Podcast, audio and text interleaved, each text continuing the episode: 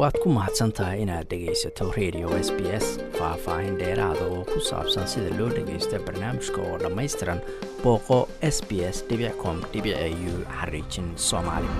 Xildhibaano ka mid noqon doona golaha shacabka baarlamaanka koob iyo tobanaad ee soomaaliya ayaa lagu doortay muqdisho iyadoo ilaa iyo shan xubnood oo ka socda gobollada waqooyi ee somalilan lagu doortay howlka dugsiga tababarka jenaraal kaahiye ee caasimada muqdisho ammaanka waddooyinka soo gala goobta doorashada ayaa aada loo adkeeyey. Waxaana halkaasi goobjoog u ahaa guddiga maamulaya doorashada. Xubno ka socday guddiga doorashooyinka heer federaal iyo boqol iyo kow ergo oo la soo xulay. Tartanka kuraasta qaar ayaa ahayd mid aada u adag maadaama kursi ka mid ah ay ku tartamayeen ilaa iyo shan musharax iyadoo wasiirkii hore ee wasaaradda warfaafinta soomaaliya maxamed cabdi xayir maareeye mar kale dib loogu doortay xildhibaan ka tirsan golaha shacabka. Maareeye ayaa ku soo baxay codad aad u badan kadib markii uu la tartamay kana adkaaday musharax lagu magacaabo cabdiraxmaan warsame siciid sida uu shaaciyey guddiga doorashada ee gobollada waqooyi maareeye ayaa helay lix iyo sagaashan cod halka musharaxii la tartamayey uu isna helay saddex cod oo keliya. Sidoo kale waxaa hallaabay ilaa iyo saddex cod. Kursiga xiga waxaa sidoo kale mar labaad ku soo baxday. Xildhibaanad aamino cumar jaamac oo cod gacantaag loo qaaday kadib markii ay tanaasushay gabadhii la tartamaysay ee aamino cismaan diiriye oo madasha iyadu ka hadashay sheegtayna in ay gebi ahaanba tartanka isaga hartay sidoo kale faadumo xasan cali ayaa iyaduna loo tanaasulay waxaanay cod gacantaaga ku heshay koob iyo sagaashan cod halka ay ka aamuseen ilaa iyo toban ruux oo ka mid ahaa ergadii wax dooranaysay. Waxaa sidoo kale tartan loo galay kursiga afraad ku soo baxay maxamed haaruun cabdulaahi oo helay sagaal iyo sagaashan cod. Waxaana uu ka adkaaday axmed cali maxamed oo aan helin wax cod ah. Sidoo kale kursiga shanaad waxaa loo doortay xildhibaanka la yidhaahdo axmed cismaan diiriye guddoomiyaha guddiga doorashada gobollada waqooyi ee somalilan ayaa ku dhawaaqay natiijada kursigii ugu horeeyey ee uu maareeye ku soo baxay. Maxamed cabdi xayir maareeye. Natiijada codbixintii halkan tartankii ka dhacay ee kursiga hoob nambarkiisu yahay ergada meesha fadhiday waxay dhannaayeen boqol iyo hal ama boqoliyo kow cod ka xumaaday waxa weeye laba cod. Cabdiraxmaan warsame siciid wuxuu ku guulaystay saddex cod. Halka maxamed cabdi xayir maareeye uu ku guulaystay lix iyo sagaashan cod. Waxay natiijada kursiga laba boqol labaatan iyo shan si buuxda u raacday guushu. Ex wasiir maxamed cabdi xayir maareeye codbixintuna intaasay ku dhan tahay runtii.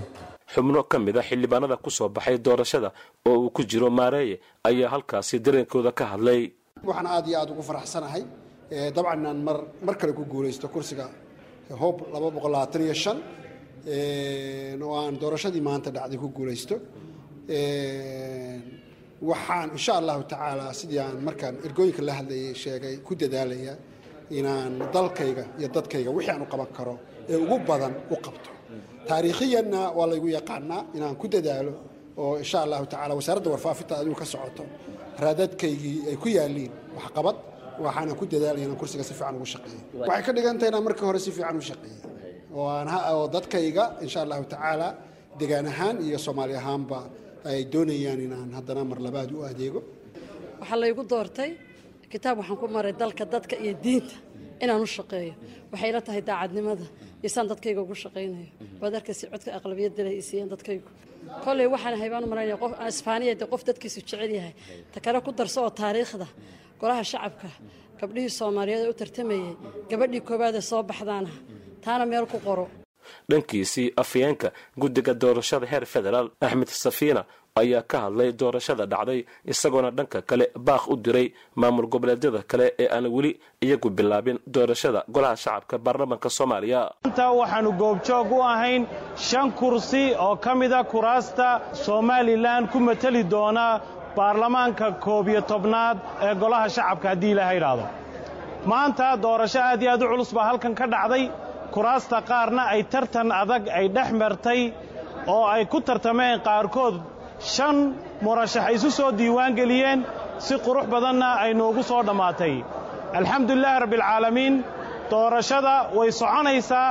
Waxa dhiman afar kursi oo ka mida sagaalkii kursi ay soo gudbiyeen guddiga doorashooyinka somalilan sidoo kale waxaan halkan uga baaqaynaa saddexda maamul goboleed ee hadhay ee puntland jubbaland iyo hirshabeelle inay sida u dhaqsiyaha badan leh ay u soo gudbiyaan kuraasta doorashada ee gobolladooda ka dhacaysa haddii ilaha idhaahdo inkasta oo guddiga doorashada somalilan iyo midka heer federaal ay sheegeen in doorashadu ay u dhacday hab wanaagsan oo aan wax murana ku jirin ayaa haddana laba ka mid a musharaxiinta u taagnayd mid ka mida shanta kursi gaar ahaan midkii uu ku soo baxay xildhibaan maxamed haaruun cabdilaahi oo iyagu isaga baxay howlka doorashada ayna sheegeen in kursigaasi aysan u tartamin beeshii xaqa u lahayd labada musharax oo u tartamayey kursiga tirsigiisu yahay laba boqol saddex iyo soddon oo ay u taagnaayeen dhowr musharax ayaa waxay qaadaceen gebi ahaanba doorashadii halkaasi ka dhacday. Musharaxiinta kale ah muno cali cabdilaahi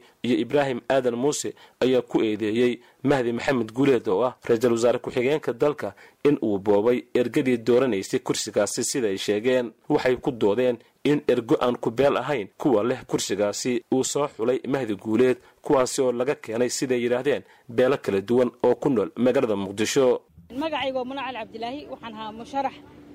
gobollada waqooyi ka soo jeeda una taagnaa kursiga tirsigiisu yahay laba saddex saddex. Laakiinse waxaanu u qaadacay doorashada maanta oo aan ugu kalsoonaan weyne ergada noo fadhida maaha ergo reerkayga ka socota. Qabiil ahaan markaas la sheego arab baana la yidhaha arab isxaaq.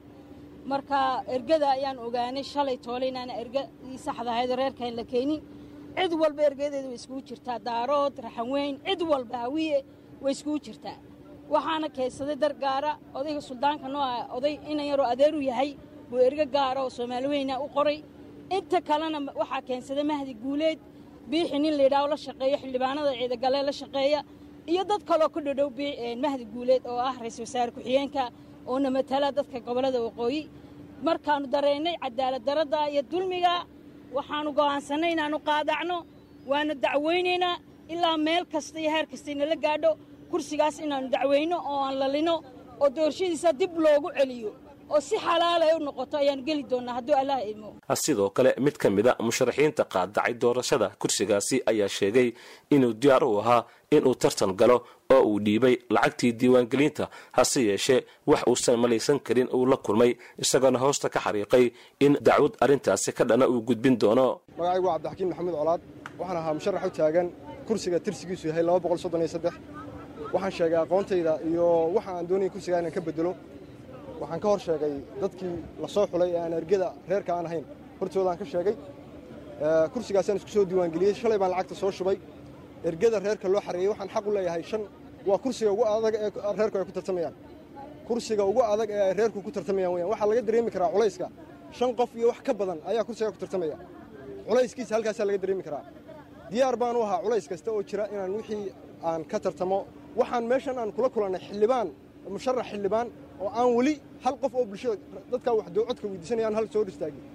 Waxaanu aragnay musharax xildhibaan oo doonaya inuu kula tartamo oo daaha gadaashiisa jooga oo immika aan hoolka isku soo gallay. Waxaan arkayaa musharax xildhibaan oo buruuf lagu wada halkaa la sii istaajinayo waxaan arkayaa erge aanan garanayn waxaan xaq u leeyahay ergada qaybteeda inaan helo mani waxay xaq u leedahay in ergada qaybteeda hesho.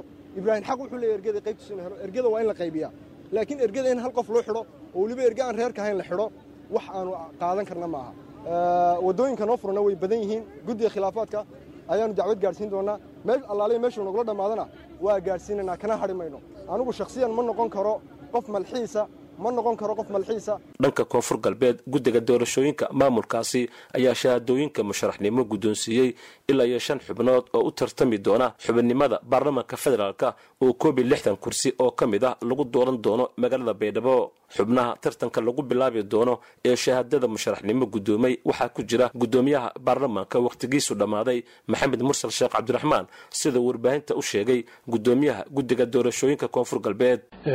Sida aad la socotaan sagaaliy tobankii bishan maalintii jimciya ayaa waxaan shaacinay koob iyo toban kursi oo ka mid ah kuraasta lixdan iyo sagaalka kursi ee taalla deegaan doorashadoodu yahay koonfur galbeed iyo koob iyo toban kursi ka mid ayaan shaacinay si aan maaragtay ugu bilowno broseskii maaragtay ay ku howlgeli lahaayeen waxaan bilownay iyo labaatankii ayaa waxaan bilownay diiwaangelintii iyo musharaxiinta inay soo gudbiyaan dadka danaynaya. Alxamdulilah si fiican ayaa noogu bilaabatay. Maanta ay saddex iyo labaatan tahay.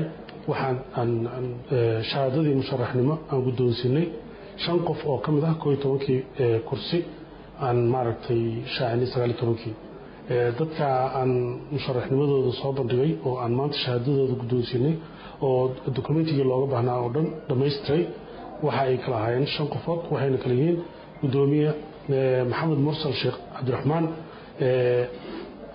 markii saakan qofkii ugu horreeyey oo shahaado aan guddoonsiye noqday waxaa kaloo guddiga uu guddoonsiiyey aadan maxamed nuur aadan soronsoor aamina maxamed mursal saadaad maxamed nuur caliyow iyo aamina xuseen cusmaan.